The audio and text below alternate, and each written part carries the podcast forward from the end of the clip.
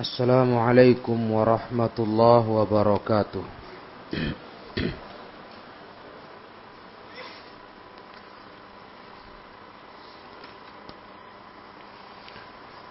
Innal hamdalillah wa nasta'inuhu wa nastaghfiruh wa na'udzu billahi min shururi anfusina wa min sayyiati a'malina من يهده الله فلا مضل له ومن يضلل فلا هادي له أشهد أن لا إله إلا الله وحده لا شريك له وأشهد أن محمدا عبده ورسوله يا أيها الذين آمنوا اتقوا الله حق تقاته ولا تموتن إلا وأنتم مسلمون يا أيها الناس اتقوا ربكم الذي خلقكم من نفس واحدة وخلق منها زوجها وبث منهما رجالا كثيرا ونساء واتقوا الله الذي تساءلون به والأرحام إن الله كان عليكم رقيبا يا أيها الذين آمنوا اتقوا الله وقولوا قولا سديدا يصلح لكم أعمالكم ويغفر لكم ذنوبكم ومن يطع الله ورسوله فقد فاز فوزا عظيما فإن أصدق الحديث كتاب الله وخير الهدى هدى رسول الله صلى الله عليه وسلم وشر الأمور محدثاتها فإن كل محدثة بدعة وكل بدعة ضلالة وكل ضلالة في النار أما بعد معاشر المسلمين rahimakumullah Kita masih melanjutkan tafsir surah At-Taubah dan masih berbicara tentang orang-orang munafikun. Panjang memang pembicaraan tentang orang-orang munafikun. Setelah kita melihat firman-firman Allah yang menjelaskan sifatnya orang munafikun paling senang untuk bisa menghindarikan diri mereka dari jihad.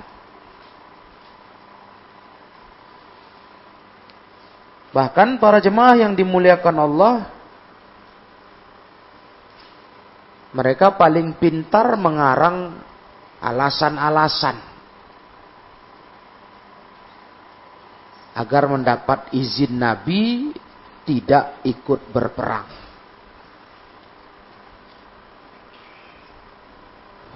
Ditambah lagi, kalau kita lihat surah Al-Ahzab, mereka menggembosi Orang-orang yang berangkat perang bersama Nabi dipengaruhi supaya nggak usah pergi. Kita di sini saja di rumah masing-masing. Ada alasan mereka cuaca terlalu panas. Itu ayat 81 yang sudah lewat kita kaji. Maka mereka para jemaah yang dimuliakan Allah tabaraka wa taala memang orang yang nggak punya iman untuk mendorong buat taat. Tubuh kita ini, badan kita ini jikalau hati yang ada di dalamnya tidak diisi iman ini badan payah, berat diajak taat. Apalagi urusannya yang besar seperti jihad, pengorbanan nyawa, jiwa, harta, keluarga. Kadang yang ringan-ringan saja pun para ikhwah. Enteng. Kita berat untuk membawa badan mengamalkan ketaatan. Itu kalau hati tidak diisi keimanan. Jadi nggak ada pendorong.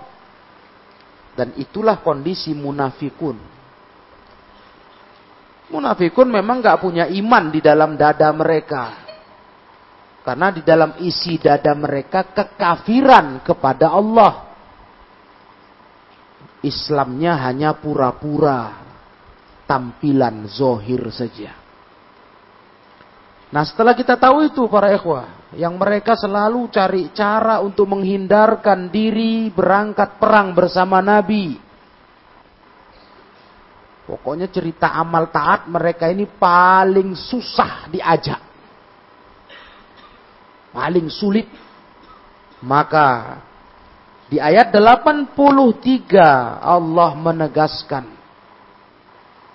Fa'ir raja'akallahu ila ta'ifatim minhum fasta'zanuka lil khuruji fakullan takhruju ma'ya abada walan tuqatilu ma'ya aduwa.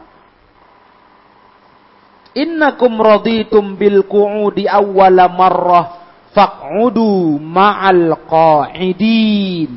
Nah, lihat. Di ayat 83 Allah Ta'ala berkata, Jika Allah mengembalikan engkau hai Nabi Muhammad kepada salah satu golongan di antara mereka. Kembali bertemu.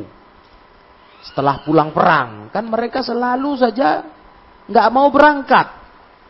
Nah kalau Allah pertemukan lagi engkau dengan kelompok mereka itu yaitu orang-orang yang mereka takhallafu amin ghairi uzrin yang tidak mau berangkat perang tanpa uzur. Jadi kalau ketemu lagi, panjang umur, jumpa lagi. Maka para ikhwah, apa kata Allah Ta'ala? Fasta'zanu. Mereka minta izin. Minta izin kepadamu ketika ada lagi panggilan perang, minta izin mau ikut. Biasanya itu kondisi perang yang di, tidak dianggap mengerikan. Perang yang dirasa umat Islam di atas angin. Mereka minta izin kepadamu untuk khurus keluar, ikut perang. Maka para ikhwalan kul fakullan takhruju ma'ya abada Allah perintah nabinya untuk berkata, nggak perlu kalian keluar lagi bersamaku selamanya. Tolak saja orang-orang itu. Nggak perlu lagi ikut-ikut kalian. Itu ajaran Allah ke nabinya. Tolak saja mereka itu sudah. Walan tuqatilu ma'ya adua. Kalian nggak usah ikut lagi perang melawan musuh bersamaku. Sudah cukup sudah. Kenapa begitu? Karena mereka ketika tidak ikut perang dengan Nabi, itu alasannya tidak syar'i. Perang yang mereka rasa berat, yang mereka anggap merugikan diri mereka, itu mereka tidak punya uzur syar'i. Walayahzanu ala takhallufihim. Bahkan mereka nggak sedih, nggak ikut perang. Beda kalau orang beriman. Orang beriman nggak ikut perang sedih walaupun ada uzur syar'i. Merasa rugi. Nah, itulah sifat orang beriman, ikhwah. Kalau enggak ikut dalam kegiatan taat, itu merasa sedih. Bukan malah gembira, malah segar. Kayak munafikun. Merasa sedih kalau enggak ikut sebuah kegiatan ibadah, ketaatan. Seperti jihad bersama Nabi. Itu yang orang berimannya. Yang mereka memang ada juga tidak ikut perang. Karena alasan syar'i. Tapi munafikun. Sedikit pun tak punya rasa sedih. Malah gembira. Bangga. Sampai mereka menganggap mereka lah orang berakal. Nabi dan sahabat yang pergi perang gak berakal itu. Cari mati. Nah, orang-orang begini para ikhwah. Kalau kau nanti ketemu mereka lagi, kata Allah Ta'ala, pulang ke Madinah, ketemu mereka, kemudian fasta'zanu kalil khuruji li ghairi hadhil ghazwah, mereka minta izin kepadamu ikut, ikut perang selain perang yang mereka nggak ikut itu. Artinya ada perang susulan, mereka terus minta izin. Nah, kami ikutlah kalau ini ya Rasul. Nah, kalau mereka begitu, maka para ikhwah yang mulia, Katakan ke mereka. Allah suruh Nabi berkata kepada mereka. Dengan sebuah ucapan yang akan membuat mereka tersengat. Karena mereka begitu. Kalau perang sulit nggak mau, tapi kalau perang yang gampang, idza ra'au as-suhula, mereka rasa mudah, ah mereka pura-pura nyodorkan diri. Kami ikut kalau ini, kami semangat. Ya memang mau munafikun kan ikhwah, terkenal muka dua. Kalau untuk urusan cari muka di depan Nabi, nah itulah kerjanya. Kalau dilihat perang itu ringan, gampang, mereka nyodorkan diri. Saat itulah katakan ke mereka, hai Rasulullah, kul faqul lahum uqubatan. Katakan ke mereka sebagai bentuk hukuman untuk mereka lan takhruju ma'ya abadan walan tuqatilu ma'ya aduwa. Enggak usah kalian keluar ikut perang lagi sama saya, kata Nabi. Enggak usah kalian ikut lagi membunuh musuh bersama saya. Enggak butuh kalian ini. Itu hukuman. Hukuman kepada orang munafikun. Pukulan keras. Jadi menunjukkan apa? Rasul sudah tahu kedok mereka. Itu maksudnya. Selama ini kan mereka mengira Rasul nggak tahu. Begitu Rasul tolak mau ikut perang lagi mereka. Di kesempatan perang lain. Mereka baru sadar. Uh, ternyata kami sudah diketahui Nabi ulah kami. Nabi tolak kami ikut perang untuk seterusnya. Ini hukuman. Hukuman pukulan telak untuk mereka. Fasayughnillahu ankum. Allah akan cukupkan dari kalian. Artinya, nggak ada pun kalian. Allah buat kecukupan untuk kami. Udah, sudah. Kalian nggak usah lagi cerita ikut perang. Udah terbongkar kedoknya. Karena Rasulullah Shallallahu Alaihi Wasallam dapat wahyu dari Allah tentang tingkah-tingkah buruk busuknya kaum munafikun. Mereka ketika ditolak Rasul dengan ucapan lan takhruju ma'ya abadan walan tuqatilu ma'ya aduwa. Itu mereka betul-betul terpukul. Ketahuan selama ini berusaha menghindar perang. Ternyata alasannya dicari-cari. Ketahuan para ikhwah. Sekarang sok gaya mau ikut perang. Seakan-akan pemberani ah ini saya berangkat ya Rasul Ketahuan rupanya itu hanya silat lidah saja, cari muka. Ini hukuman untuk mereka. Ditolak Nabi Muhammad atas perintah Allah Subhanahu wa taala. Innakum raditum bil di awal marrah. Kalian kan senang di awal-awal perang sebelumnya kan kalian senang untuk duduk tinggal di kampung kan? Di kota, di rumah, ya sudah, fakudu ma'al khalifin. Nah, lanjutkan saja duduk-duduk kalian itu bersama orang-orang yang gak ikut perang. Lanjutkan saja. Begitu Nabi tegas menolaknya. Bukankah kalian kemarin-kemarin gak ikut perang, kalian senang? Roditum bil ku'udi, kalian senang duduk-duduk di rumah, kalau begitu teruskan kesenangan kalian itu. Duduklah terus kata Rasul. Tak usah ikut kami lagi. Wow, ini pukulan betul. Lagi pula kita sudah belajar di ayat sebelum ini. Kalaupun mereka diizinkan ikut, itu nambah petaka saja. Bukankah begitu? Keberadaan mereka di barisan Rasul dan sahabat orang munafikin ini, ini bikin susah, bikin masalah. Bukan nambah kekuatan, nambah ke kehebatan umat Islam. Ini hanya bikin tambah masalah. Karena kerja mereka, na'udzubillah. Memberikan pengaruh buruk kepada para sahabat. Memberikan cara pikir yang menyesatkan. Jadi untuk apa ikut? Genah lagi, jelas mereka tinggal, udah jelas terang-terang. Pasukan di medan perang nggak terpengaruh buruknya mereka. Jadi nggak ada gunanya, ma'asyiral ikhwah. Keberadaan mereka di barisan umat Islam nggak ada gunanya, walaupun mereka menambah jumlah secara hitungan. Secara kuantitas memang luar biasa tambahannya, ratusan jiwa, pasukan bertambah. Tapi malah membuat rugi pasukan Islam. Karena ulah mereka selalu merusak suasana semangat tentara-tentara Allah. Jelek betul ya hidup kayak begini. Nggak bisa memberi untuk agama, kenapa malah merusak agama? Jelek betul hidup begini. Nggak bisa buat perbaikan, kenapa buat kerusakan? Nggak bisa memberi, kenapa melarang orang memberi? Hmm?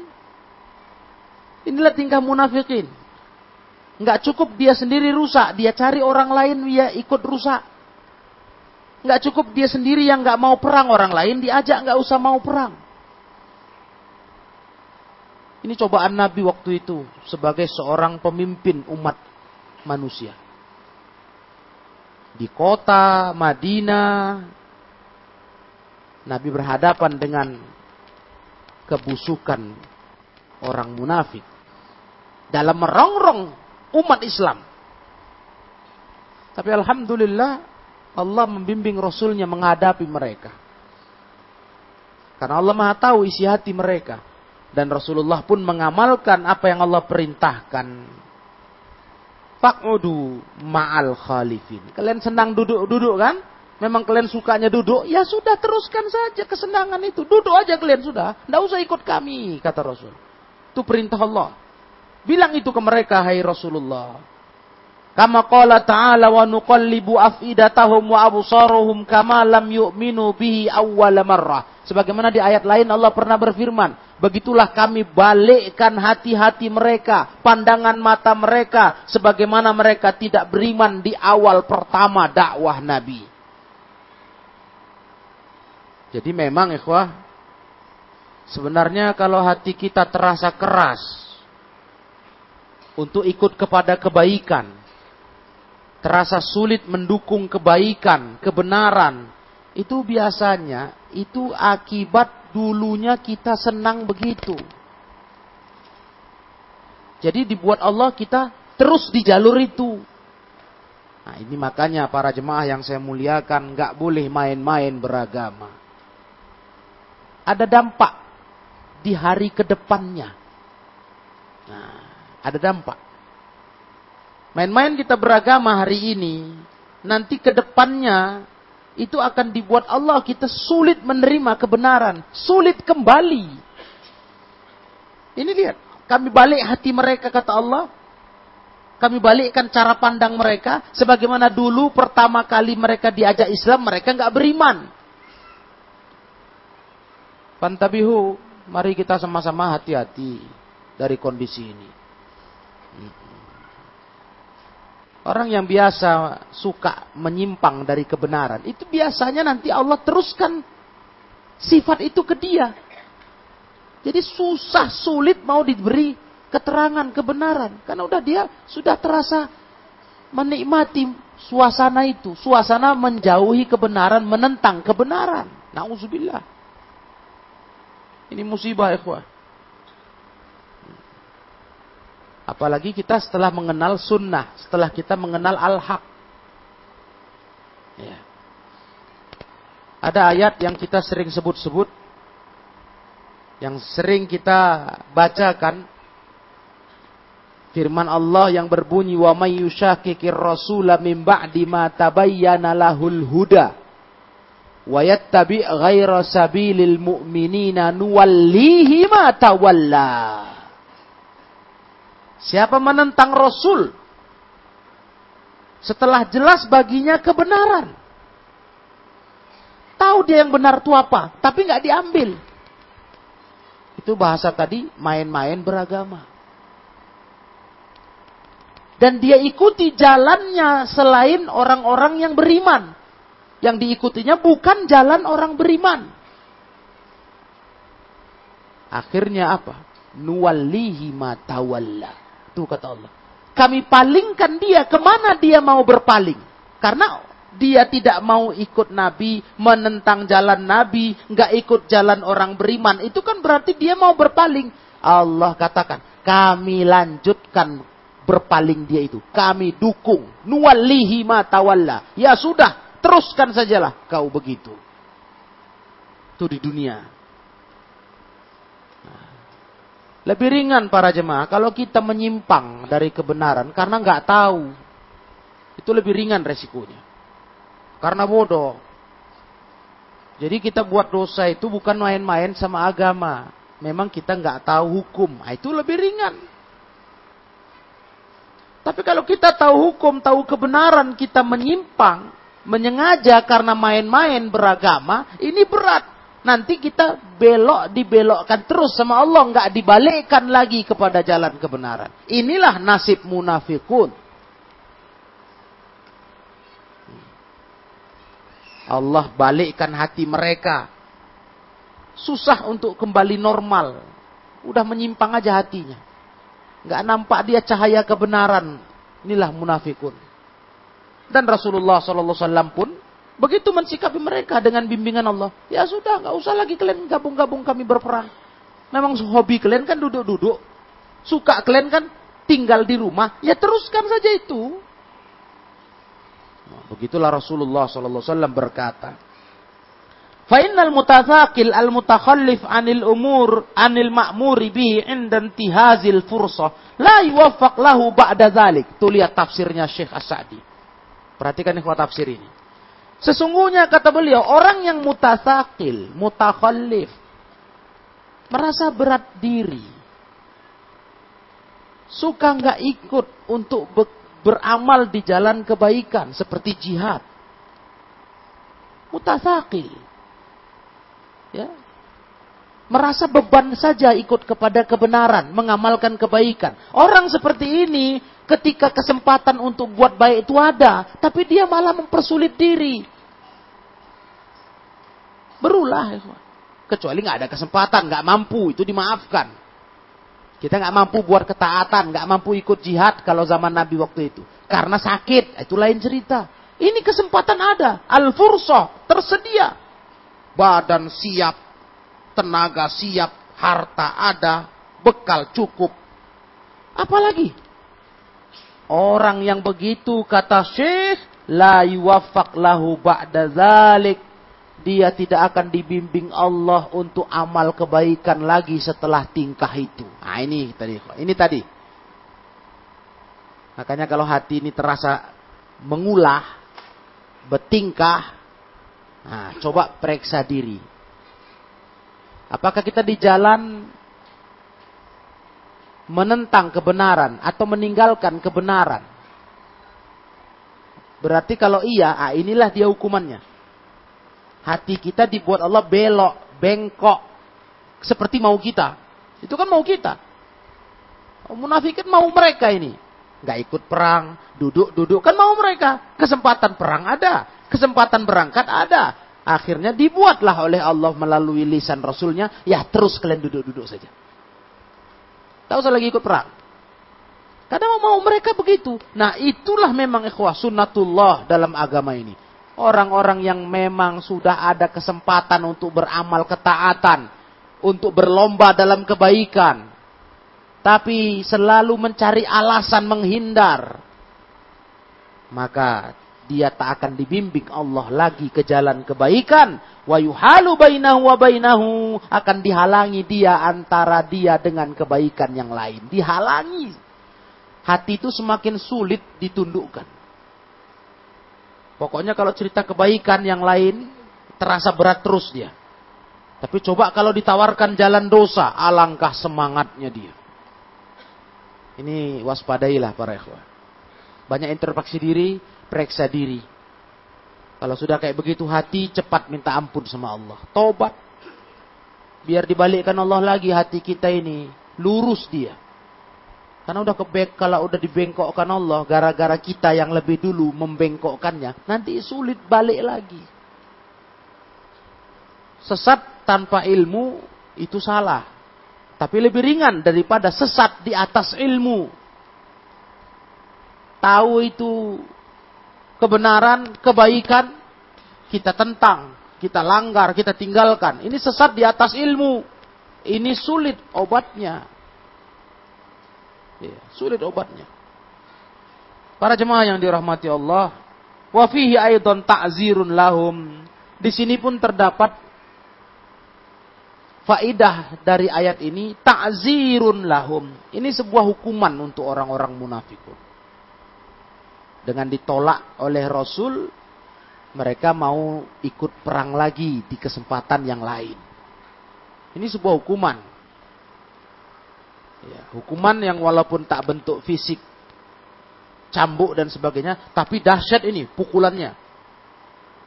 Ya, keras ini. Menyakitkan kali bagi mereka. Ternyata Rasul tahu ulah kami. Rasul membaca tingkah kami. Kan begitu.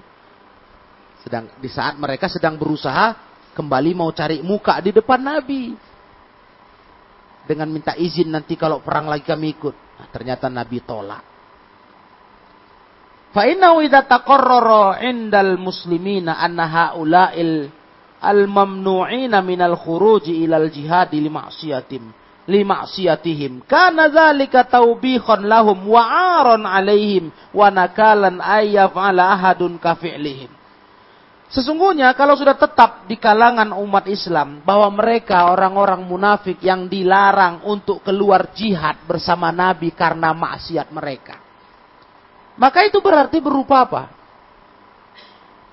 Dilarang ikut jihad. Itu berupa taubih, menjelekkan tingkah mereka sebelumnya yang selalu ingin tak ikut jihad. Dan itu hukuman nakal, aron, wanakalan. Dan itu berupa ar, celaan, juga hukuman atas siapa pun yang mau berbuat kayak tingkah mereka. Jadi ini bukan masalah yang ringan nih, penolakan Rasul ini sangat keras ini. Ini berupa hukuman yang berat bagi mereka.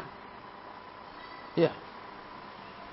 Mereka yang ingin mencari muka di depan Nabi, ternyata Nabi menolak mereka. Nabi sudah tak diizinkan Allah, mengikut sertakan munafikun dalam peperangan-peperangan berikutnya. Sudah, suruh aja mereka duduk di rumah. Ini keras sekali ini, keras. Jadi para jemaah yang dimuliakan Allah, itulah akibat apa? Ulah sendiri. Kita ngambil pelajaran di situ. Akibat ulah sendiri. Nabi tolak dari bergabung bersama beliau di perang lain gara-gara ulah sendiri. Sebelumnya karena selalu cari alasan untuk nggak ikut perang. Ini yang sering kali kita lupa. Ketika kita punya masalah, ternyata itu ulah kita. Penyebab datang masalah. Ketika hati keras, ketika hati nggak lunak dengan kebenaran, itu ulah kita sebelumnya. Yang main-main beragama. Maka berusahalah ikhwanifidin yang dimuliakan Allah. Berusahalah serius beragama kita. Serius. Terus benahi diri, perbaiki diri.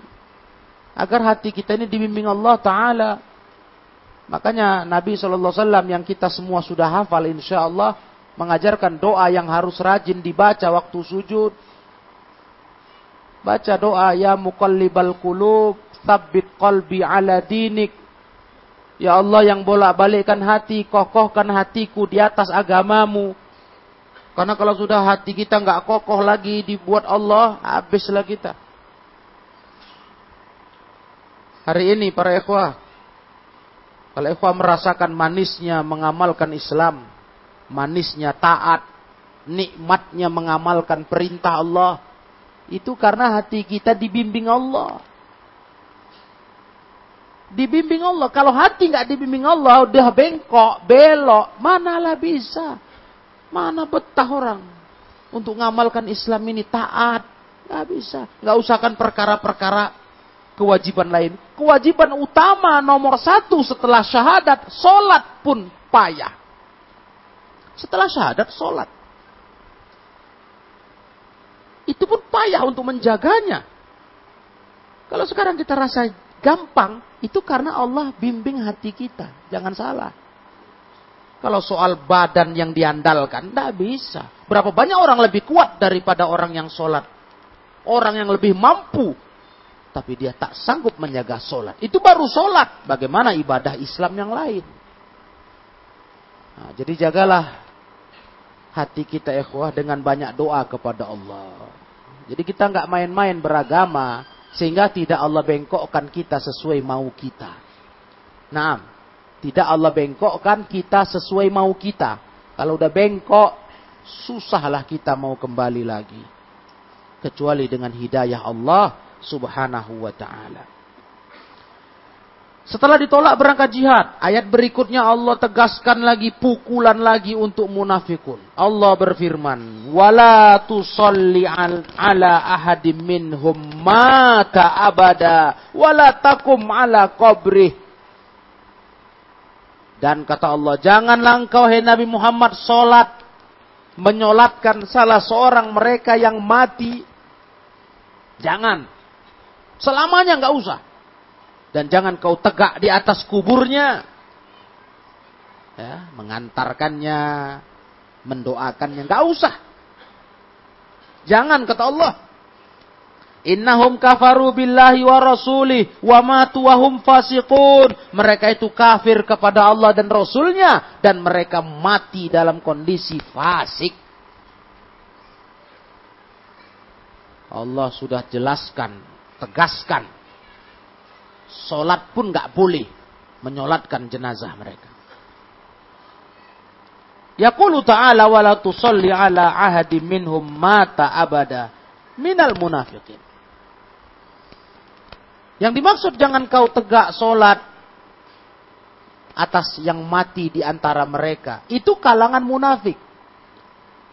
Nah, munafik kan kafir. Memang nggak boleh lah ikhwah menyolati orang kafir. Kalau muslim itu fardu kifayah. Harus ada dari kita umat Islam menyolati jenazah sesama muslim. Kalau enggak kita semua berdosa. Kalau udah ada, gugurlah kewajibannya. Bahkan para ikhwah dalam fikih yang sudah pernah kita kaji, masalah jenazah, kalau ada orang pendosa dari kalangan umat Islam, pelaku maksiat mati, dosanya besar, itu tetap wajib umat Islam menyolatkannya. Kecuali tokoh-tokoh agama, tokoh-tokoh di masyarakat dalam rangka tujuannya mereka menghindarkan menyolatkan jenazah seperti itu untuk jadi pembelajaran bagi yang lain. Bagi masyarakat yang lain jangan tiru ulah dia. Tengoklah, karena buruknya ulahnya para pemuka-pemuka, tokoh-tokoh kita nggak nyolatinya. Nah, itu itu yang ada tuntunannya. Adapun ditinggalkan total menyolatkan jenazah orang Islam nggak ada. Walaupun dia buat dosa besar, walaupun mati di atas dosa besar tetap saja dia muslim yang harus mendapatkan hak fardu kifayah. Harus. Kita harus selenggarakan jenazahnya dengan cara Islam. Adapun munafikun nggak perlu kata Allah wala takum ala qabri ba'da dufni litad'ulah nggak perlu kau tegak hai Nabi Muhammad di atas kuburnya untuk berdoa kepada Allah bagi dia nggak perlu setelah dikuburkan yang mestinya kita berdoa untuk mayit di kuburan itu. Mohonkan ampunan kepada Allah, mohonkan dia kokoh di alam barunya. Enggak usah itu kata Allah. Wala takum ala qabri. Jangan kau tegak di atas kuburannya untuk mendoakannya. Enggak usah. Fa inna salatahu wa wuqufahu ala kuburihim syafa'atan minhum lahum. Karena dengan solatnya Nabi atas mayat mereka. Dengan Nabi tegak di kubur mereka. Itu bisa jadi syafaat pembelaan untuk mereka ya. Padahal wahum la tanfa'u fihi musyafa'ah padahal mereka orang-orang munafik itu nggak manfaat dapat syafaat. Nggak bisa. Jadi intinya nggak perlu. Untuk apa disolati? Orang Islamnya yang kalau disolati 40 orang lebih itu mendapat syafaat dari orang yang sholat itu. Karena mereka mendoakan dia. Kalau orang musyrik, kafir, munafik, nggak bisa didoakan kayak mana pun, dimohonkan ampunan kayak mana pun, nggak ada gunanya karena kafir. Jadi terus terang aja Rasulullah disuruh Allah sekarang tegakkan aja sikap itu, tak usah sholat, udah biar jelas siapa mereka. Nggak usah lagi ke kuburannya, ngantar kuburan. Ini ayat kayak petir bagi orang munafik waktu itu, menyambar jantung mereka. Artinya kedok udah terbuka, kan gitu ya, Pak. Udah nampak. Nah, ya. Mereka udah sadar, Nabi tahu ulah mereka, Nabi tahu borok mereka. Menyengat sekali ayat ini bagi munafikun. Nah, kemudian ikhwa innahum kafaru billah wa rasulihi wa matu wa hum fasikun. Mereka itu orang-orang kafir kepada Allah, kafir kepada Rasulullah dan mereka mati dalam kondisi fasik. Jadi yang mati fasik, tidak usah solati. Tidak usah diurus penguburannya. Mereka fasik, matinya mati kafir. Wa man kana kafiran wa mata ala dzalik fama tanfa'uhu syafa'atu syafi'in. Orang-orang yang kafir mati di atas kekafirannya, tidak berguna pembelaan orang yang membelanya. Enggak berguna. Kalau mati di atas kekafiran, enggak ada faedahnya. Artinya kalau kita sholat kan percuma. Mau sebanyak apa pun yang nyolatin, kalau orang yang disolatin itu munafik, kafir, nggak ada gunanya. Karena kafir itu, kekafiran itu satu dosa yang nggak ada ampunan atasnya. Kalau mati di atas kekafiran. Dosa yang paling terbesar kepada Allah adalah kesyirikan. Jadi nggak ada guna, nggak ada faidah. Tinggalkan saja mereka. Para jemaah yang mulia, wa ibratun li ghairihim wa zajrun wa nakadun lahum. Dalam hal ini kejadian yang menimpa mereka itu hendaknya jadi ibrah, pelajaran bagi selain mereka. Ya kayak kita sekarang lah, ambil pelajaran. Supaya kita jangan bertingkah kayak munafikun dengan segala macam tingkahnya yang panjang sekali di surah atau atau bah ini. Panjang sekali. Janganlah begitu. Ya. Jadi pelajaranlah hidup ini. Ambil pelajaran dari cerita orang dulu. Yang buruk-buruk kita jadikan pelajaran untuk jangan ditiru. Yang baik-baik kita ambil pelajaran untuk kita jadikan suri tauladan. Ini nasihatnya Syekh As-Sa'di. Jadikan pelajaran bagi orang-orang selain mereka. Wazajrun wanakarun lahum ini sebagai zajer sebagai bentuk hukuman dan nakal. Ya, nakalun ini sama. Celaan dan hukuman begitu bagi mereka. Wahakada kullu man ulima man ulima minhul kufru wan nifaq fa innahu la yusalla alaih. Begitulah siapa yang dikenal dia kafir, dia munafik, tidak ada boleh hukum disolati untuknya. Tidak usah disolati dia. Iya. La yusalla alaih. Jangan disolati jenazahnya. Kalau udah positif ini orang kafir, ini munafik. Cuma munafik para ikhwah. Sebagaimana sudah kita ulang-ulang sering-sering. Nah, ini masalah rahasia dengan Allah. Karena urusan hati yang disembunyikannya kekafirannya. Tapi kalau kafir udah jelas. Kita nggak boleh mensolati mereka yang kafir mati di atas kekafiran. Nggak boleh. Nggak boleh memintakan ampunan untuknya. Memintakan rahmat Allah. Nggak boleh. Iya. Dilarang para ikhwan. Nah, mati kafir. Nggak boleh kita mengucapkan rahimahullah, Allah yarhamuh. Nggak boleh. Karena kafir nggak ada maaf bagi dosanya. Nggak ada ampunan. Sehingga dia tertutup dari kemungkinan mendapatkan rahmat Allah tutup habis. Makanya di ayat yang lalu juga kita lihat Allah mengatakan ke nabinya, kau minta ampunkan kepada Allah untuk mereka ataupun kau tidak mintakan ampunan untuk mereka sama saja kata Allah. Nggak ada bedanya. Mereka tetap orang-orang yang tidak diampunkan Allah, orang-orang yang sudah pasti menghuni jahanam kekal selamanya. Nah, para jemaah yang dirahmati Allah, wa fi hadhil ayat di ayat inilah terdapat pula dalilun ala masyru'iyyati sholati 'alal masyru'iyati sholati 'alal mu'minin wal wukuf 'inda kuburihim lid-du'a ilahum. Di sini ada faedah. Kalau munafik kafir dilarang disolati. Berarti orang-orang beriman disyariatkan disolati. Solat jenazah. Disyariatkan. Jelas. Kebalikan pemahaman dari larangan ke orang kafir. Orang beriman wajib disolatkan jenazahnya. Kemudian walukuf tegak di kuburan mereka mendoakannya.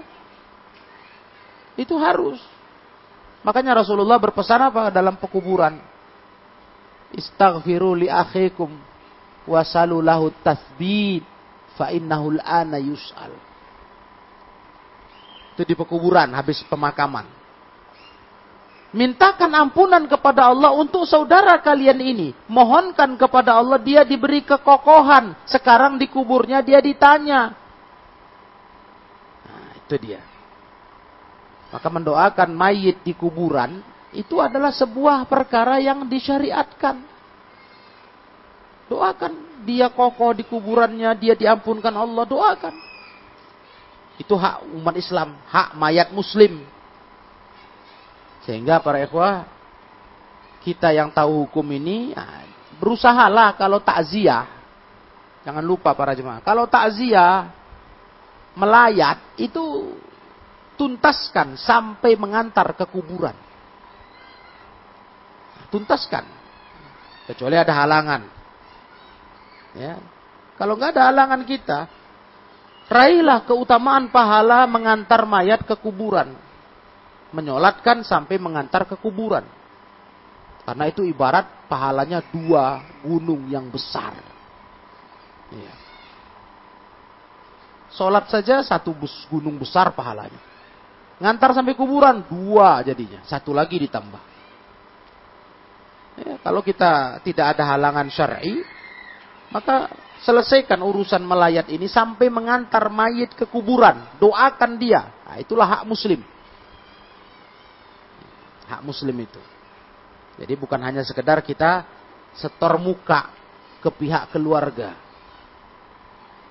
Yang penting udah nampak duduk di rumah duka, udah. Kita berusaha, ikhwah. Terlibat dalam mensolatkan jenazah, terlibat dalam mengantarku ke kuburan jenazah itu. Karena pahalanya besar. Nah, dan itu hak muslim. Hak muslim kita antarkan sampai ke, ke kuburannya. Nah kemudian Nabi SAW yaf'alu dzalika fil mu'minin. Nabi begitu melakukan fardu kifayah ngurus jenazah orang Islam, kaum mukminin. Nabi lakukan, ikut Nabi. Ada sahabat meninggal, Nabi turut serta. Menyolatkan, mengantarkan ke kuburan, fa inna dan nahi bil munafikin yadullu ala annahu qad kana mutaqarrar mutaqarriran fil fil mu'minin karena dikaitkannya larangan kepada orang munafik untuk disolatkan dan didoakan di kuburannya itu menunjukkan perkara tersebut ditetapkan untuk orang beriman. Dilarang atas munafik berarti ditetapkan untuk orang beriman. Orang beriman berhak kita solatkan, Berhak kita antar ke kuburan, kita doakan. Berhak. Jangan sampai luput itu. Kecuali memang kita ada uzur yang tidak mungkin kita hindari. Tidak mungkin kita tunda. Nah, kita pun bisalah. Karena sudah tertutupi kewajibannya secara fardu kifayah. Tertutupi. Sudah adanya mereka-mereka yang mengerjakan fardu kifayah itu. Nah, para jemaah yang dimuliakan Allah tabaraka wa taala. Jadi sudah jelas Allah taala memerintahkan kepada nabinya untuk melarang mereka ikut perang untuk melarang mereka gabung lagi dengan pasukan muslimin. Sudah jelas. Sampai-sampai Allah melarang nabinya menyolatkan jenazah mereka menyolatkan jenazah mereka, mengantar mereka ke kuburan, mendoakan. Jadi sudah terang-terangan ini sikap Nabi ditunjukkan kepada munafikin. Walaupun Nabi nggak langsung menyebut ini munafik terang-terangan di sahabat. Enggak. Makanya waktu Rasul wafat, Rasul tinggalkan catatan nama-nama munafikin kepada sahabat Huzaifah. Karena ada masalah yang dipandang Nabi. Kalau Nabi sudah tunjuk hidung sejak hidup, ini si fulan munafiknya. Ini membuat sahabat nanti emosi. Karena ulah mereka teramat mengerikan. Bahaya. Bisa timbul kekisruhan di tengah masyarakat.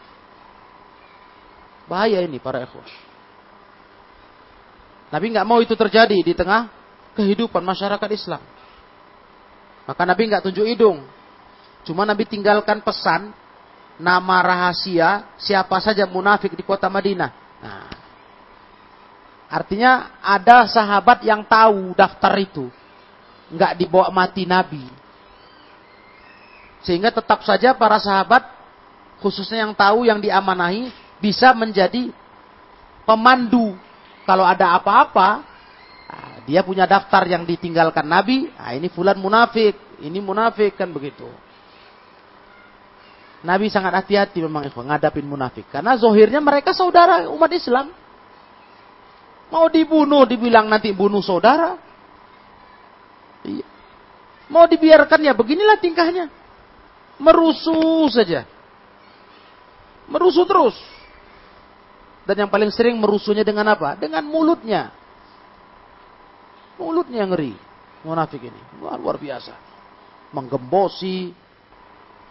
Menghina, menggelari, menyakiti, melemahkan semangat. Itu terus-terusan dirasakan Nabi SAW. Alhamdulillah kita dapat ilmu ini, kita tahu ini adalah sifat buruknya munafikun dan kita usahakan menghindarkan diri.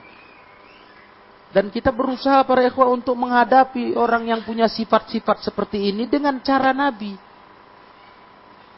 Dengan cara Nabi. Tak perlu kita hadapi dengan cara kita, mau kita, jangan. Karena dengan cara Nabi ternyata penuh hikmah. Nggak perlu terjadi kerusuhan, kekisruhan di kota Madinah hebatnya Nabi Shallallahu Alaihi Wasallam menghadapi tingkah munafikun. Nah ayat ke-85 ikhwah ada nasihat Allah kepada Rasulnya. Allah berfirman, "Wala tu'jibka amwaluhum wa auladuhum." Hei Nabi Muhammad, kau jangan dibuat kagum. Jangan kagum, jangan merasa takjub melihat harta-harta mereka dan anak-anak mereka. Sisi dunia mereka. Jangan kagum. Nah, itu wah. Ini nasihat penting ini dalam hidup. Artinya jangan mengukur sesuatu itu dunianya. Kita sering kali ke situ kenanya. Obsesi kita dunia ini luar biasa. Tanda sukses orang kalau dia membangun.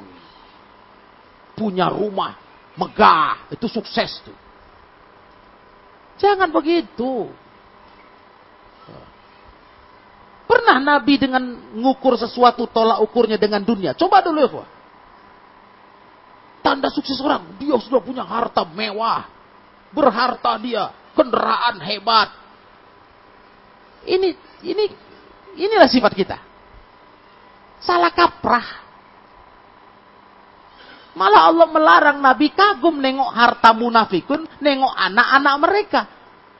Jangan kagum nengok itu, kata Allah. Kita seringnya ke situ. Bagi kita, kemajuan sesuatu itu dari sisi dunia. Nggak kita tengok kayak mana hidup Nabi. Sanggup kita katakan Nabi SAW hidup yang penuh kesederhanaan. Kita katakan Nabi bukan sosok yang sukses, bukan sosok yang selamat, yang bagus hidupnya. Tengok Nabi, tengok Nabi para. Lagi hidupnya sampai matinya, sampai ditinggalkannya ke istri-istrinya. Kesederhanaan itu terus tanpa putus. Kenapa kita obsesinya selalu dunia? Ngukurnya dengan dunia. Oh mantap, mantap kalau udah cerita dunia maju. Ada apa ini? Ini salah kaprah hidup namanya. Nabi udah pesan sama kita dalam hadis sahih. Kalau dunia urusannya, jangan tengok orang di atasmu, kata Nabi. Tengok orang di bawahmu, biar kau tidak mengkufuri nikmat Allah, tahu syukur. Nah, rubahlah ikhwah cara pandang hidup. Ya. Bukan kesuksesan namanya kalau fasilitas dunia kita bertambah. Bukan kesuksesan yang sebenarnya itu. Walaupun mungkin di mata pecinta dunia itulah kesuksesan. Tapi di pandangan agama itu bukan kesuksesan. Itu malah menambah ujian hidup. Karena tambah tanggung jawab. Tambah tanggung jawab yang akan dijawab di depan Allah. Itu harta dari mana? Dapatnya dengan cara apa? Jangan salah. Makin panjang hisap kita di depan Allah. Iya kalau jalan-jalan halal yang kita tempuh mendapatkannya. Bagaimana kalau jalan haram? Ayuhal mu'minun, para ikhwah yang saya muliakan. Ayo rubahlah cara pandang hidup ini. Jangan memandang sesuatu dengan kesuksesan dunia. Enggak, itu salah. Salah. Kalau itu kita teruskan, hancurlah hidup kita nanti. Rusak kita. Karena penyakit dunia seperti itu Iya, dia nggak akan pernah dikejar sampai dapat kita nggak akan bisa. Dia akan terus lari menjauh menjauh. Artinya kita nggak pernah merasa cukup. Jadi apa hidup ini kalau sudah nggak merasa cukup dengan dunia? Habis ngabiskan umur dunia dunia jadi apa? Hancur kan? Nah, makanya Allah tegaskan, Inna akramakum indallah atqakum. Yang paling mulia kalian di sisi Allah, yang paling mulia, paling sukses, siapa? Paling takwa. Paling takut sama Allah, paling takut dengan dosa, paling takut meninggalkan perintah agama. Itu yang paling sukses, paling mulia di depan Allah. Bukan paling kaya. Apalagi zaman sekarang ini banyak kali dramanya. Kadang nampak kaya, kredit semua. Kita udah geleng-geleng, udah cedek kamu hebat, hebat, kredit mau mati mikirnya dia. Iyalah, hari ini banyak drama hidup manusia. Rupanya utang, rupanya minta-minta, ngemis-ngemis. Apa mulianya? Zohir nampak hebat. Wah, mantap dia. Maju ekonomi. Bangun rumah. Kredit. Ada lagi main bank riba. Di mana mulianya?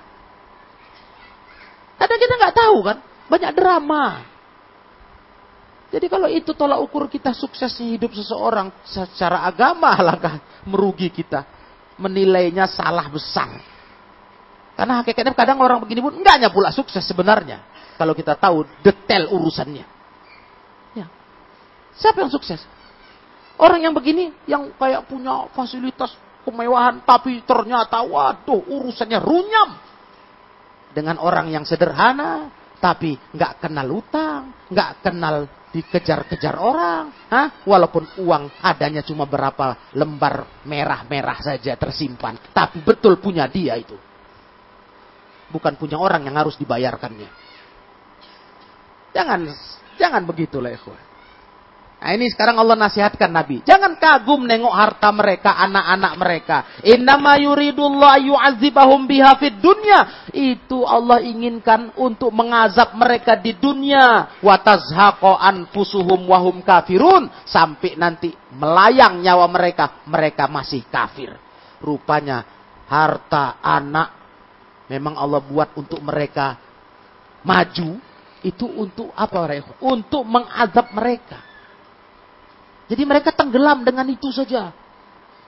Lupa mau tobat dari kekafiran sampai datang ajal mati kafir.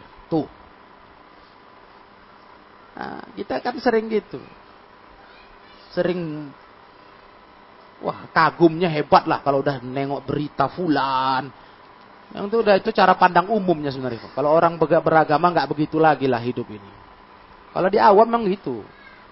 Makanya sekarang gak usah heran yang mulia itu bukan hanya orang baik-baik berharta. Sekarang seorang bandit bejat pelacur bisa mulia asal kaya. Bukankah begitu ya? Pelacur Orang bejat bisa mulia, bisa istimewa di pandangan mata masyarakat, asal tampil kaya. Nah, itulah zaman sekarang. Coba. Coba kalau dia miskin, pelacur, ah sampah deh itu. Dicampakkan orang dia. Karena kaya, wow, sedikit dibumbui dengan berita kedermawanan. Ah, kelas selesai. Dia lulukan, Masya Allah. Datang dia, berebut orang minta tanda tangan. Dengan tangan kotor pelacurnya itu. Misalnya ini kira-kira itu. Ah, bisa histeris. Orang mendekat ke dia. Uh, kayak ketemu sang idola yang Masya Allah. Nah, itu zaman kita. Kalau kita nggak beragama, mungkin begitulah kita. Tapi alhamdulillah kita beragama. Jadi kita nengok dunia orang itu nggak ada harga sama kita. Karena itu murah daripada yang di sisi Allah. Biasa saja. Fulan begini, alhamdulillah. Rizki dia sudah kelas, nggak ada apa-apa. Nah. Ya, jadi ini coba ikhwah, dibiasakan cara pandang begini.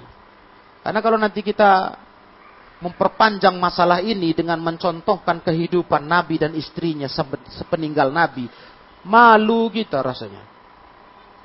Malu kita merasa susah, malu kita merasa apa? Merasa kekurangan. Terus takjub nengok orang berada, malu. Kenapa? Ternyata keluarga Nabi ya Allah sederhana, super sederhana.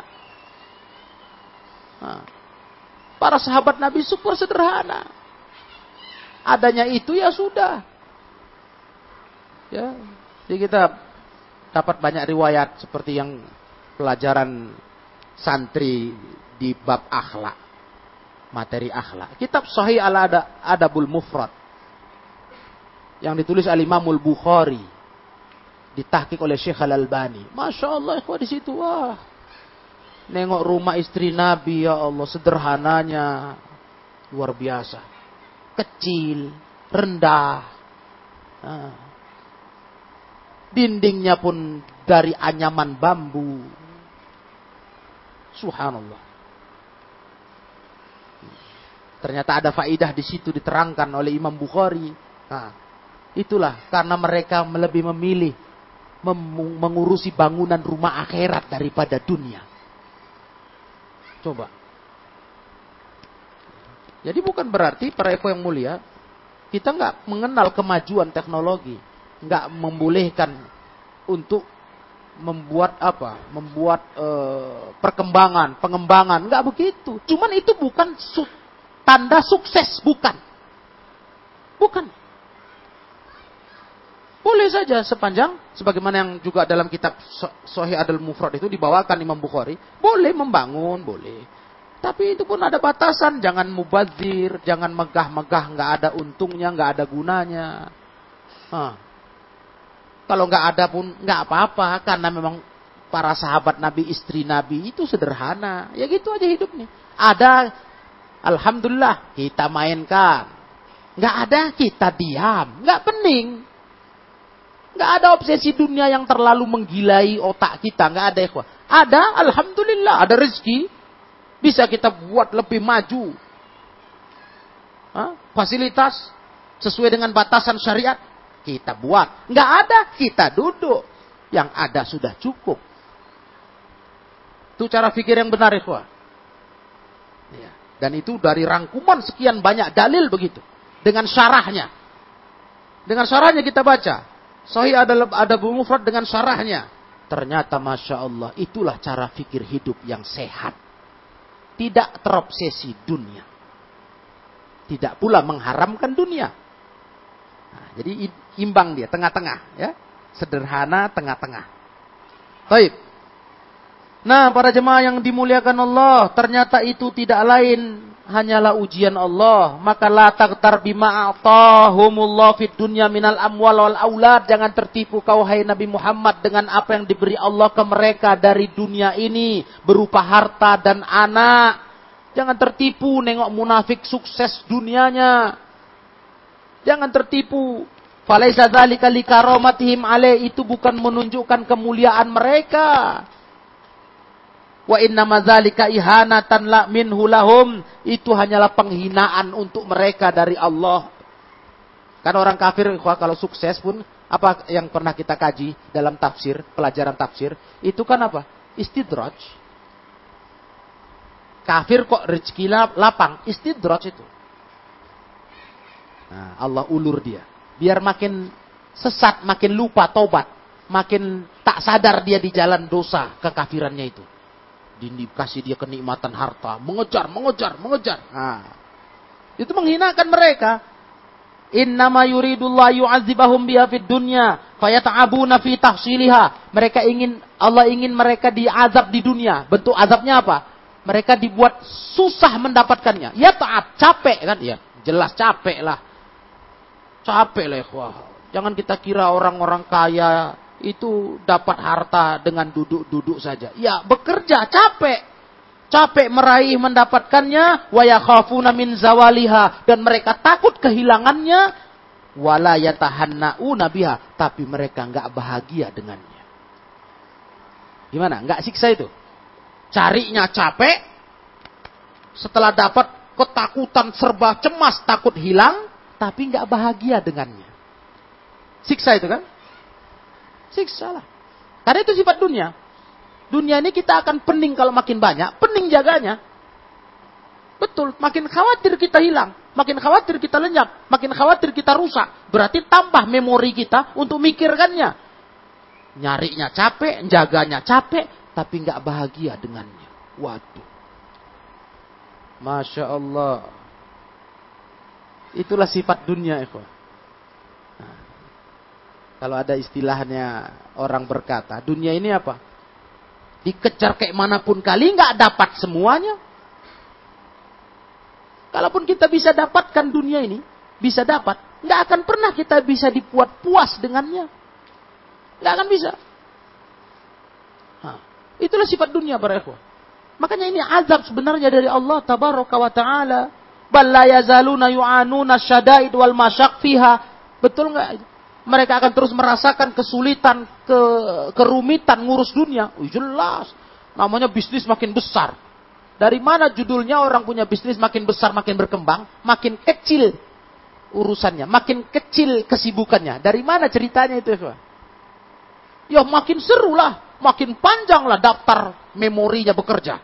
Mikir ini, mikir itu, mikir ini, mikir itu. Karena makin besar. Itu normal itu makin merasakan syadaid wal masyak. Kesulitan, kesulitan. Makin terasa. Hah. Makin makin bikin tekanan kepalanya. Pikiran terkuras. Itu udah resiko. Resiko itu apa? Namanya bisnis makin besar. Hah? Harta makin berkembang. Ya tentu kesulitan hidup makin bertambah. Untuk memikirkan itu semua biar berjalan, biar terjaga, biar tidak e, berhenti usaha, berkembang. Wah, itu makin panjang daftar pikiran kita ke situ. Pasti itu. Watulhihim anillah wa daril akhirah. Dan ujung-ujungnya apa? Semua itu melalaikan mereka dari Allah dan rumah akhirat. Iyalah, mana ada lagi porsi rumah otak kepala ini udah diisi dengan dunia. Jadi untuk akhirat pun terlalaikan. Nah itulah jalan Allah menghukum orang munafik. Kita ini para ikhwah, kapasitas akal otak kita terbatas. Kalau semua dijejalkan ke otak ini dunia untuk mikirkannya, dijamin lalai dari akhirat. Dijamin. Karena kita punya keterbatasan.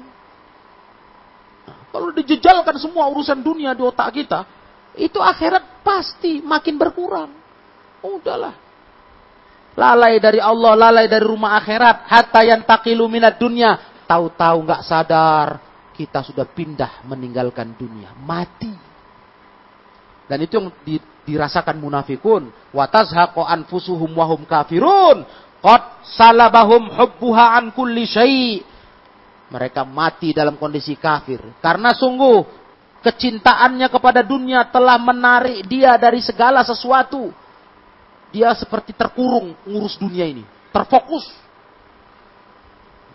Jadi urusan akhirat udah lalai. Karena udah nggak ada porsi. Pening kali dengan kesibukan dunia. Wow, jam terbang tinggi. Yalah, bisnismen. Bagaimana pula mau ongkang-ongkang kayak kita pengangguran? Kayak kita kerja swasta. sederhana. Mana bisa sama. Dia sebentar-bentar ke sana terbang sini, wah luar biasa ya, wah.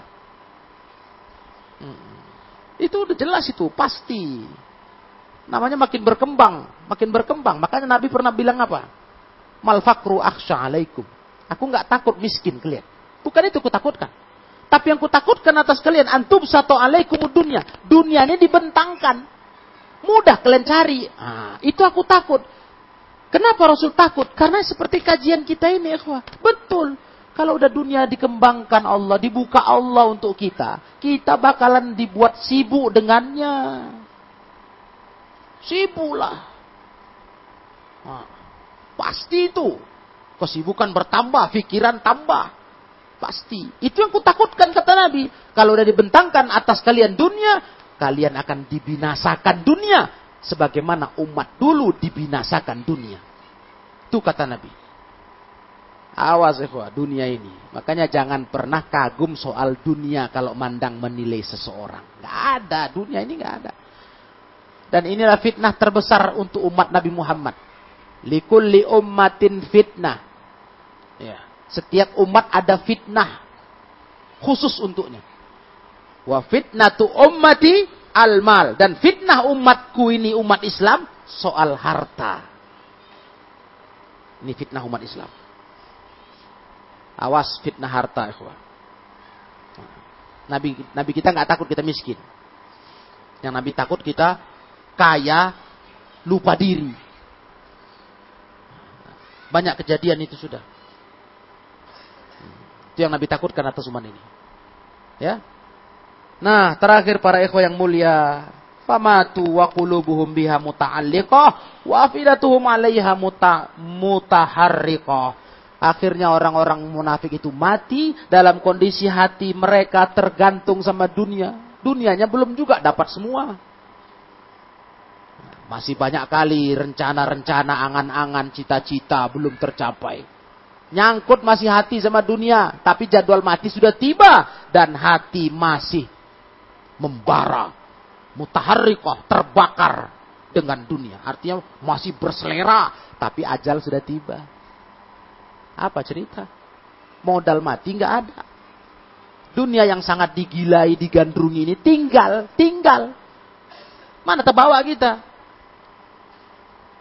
Ada yang bilang, ingat hei kawan, Kain kafan gak ada kantong. Kayaknya sederhana cakap itu.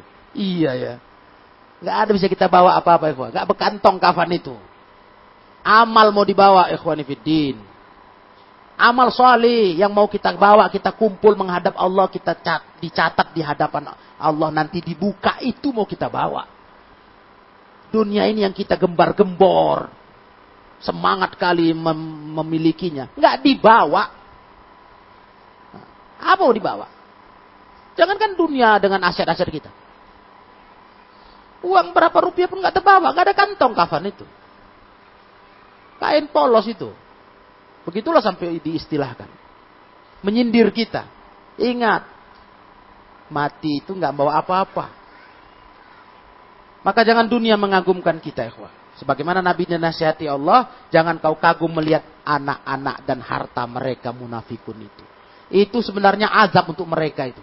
Ma makmurnya keluarganya, makmurnya hartanya, azab. Jadi dia pening mikir ke situ, lupa tobat. Akhirnya mati dalam kondisi kafir.